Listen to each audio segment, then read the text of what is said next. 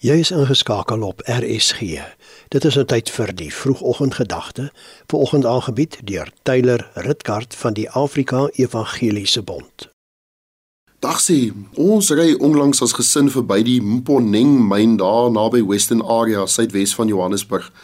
Vir die van u wat nou al die N12 brawe geduldig aangedurf het, sal weet daar by die myn se ingang staan besonderse woorde. World's deepest Sjoe, dis nou nou iets om oor te brag, nê?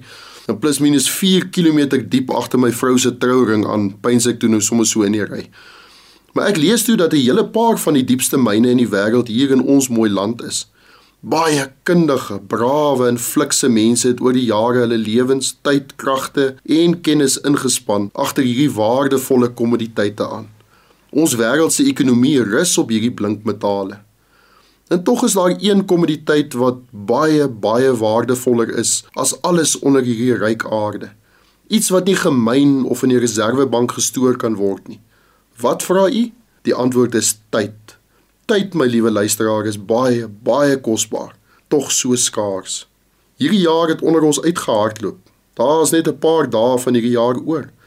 En as ons die boeke moet afsluit of die rekening van ons lewe die afgelope 12 maande wil laat balanseer, moet ons vir onsself vra of ek my tyd goed benut het. In Markus 2 vers 13 tot 17 lees ons hoe ons Here Jesus sy tyd bestee het. In vers 13 lees ons en hy het weer uitgegaan langs die see en die hele skare het na hom gekom en hy het hulle geleer.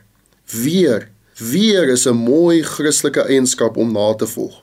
Daar is 'n skare mense daar buite in geestelike duisternis. Ons moenie moeg word om na hulle uit te reik nie.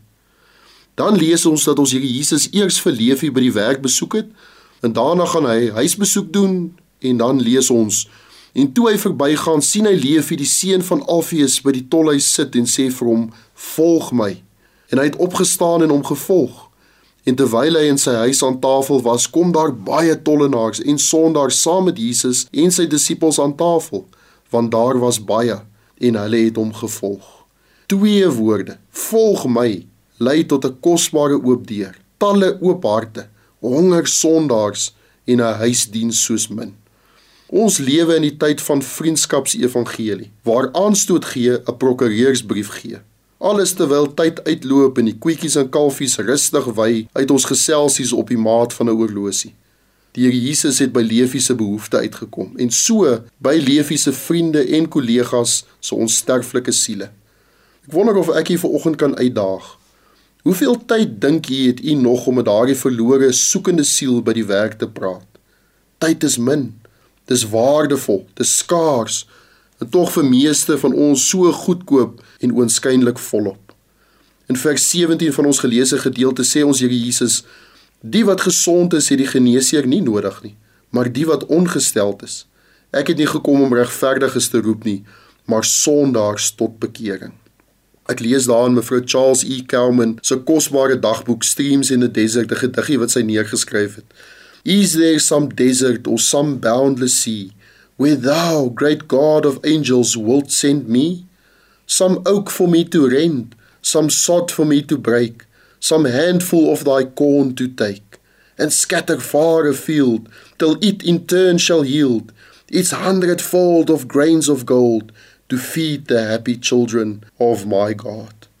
Daar by u werk of blyplek sit dalk 'n leefie. Gaan praat met hom of haar. En deur hom of haar bereik die Here dalk 'n klomp mense. Tyd is min. Die Here het gekom om te soek en te red.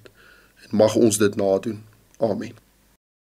Dit was die vroegoggendgedagte hier op RSG, aangebied deur Tyler Ritgard van die Afrika Evangeliese Bond.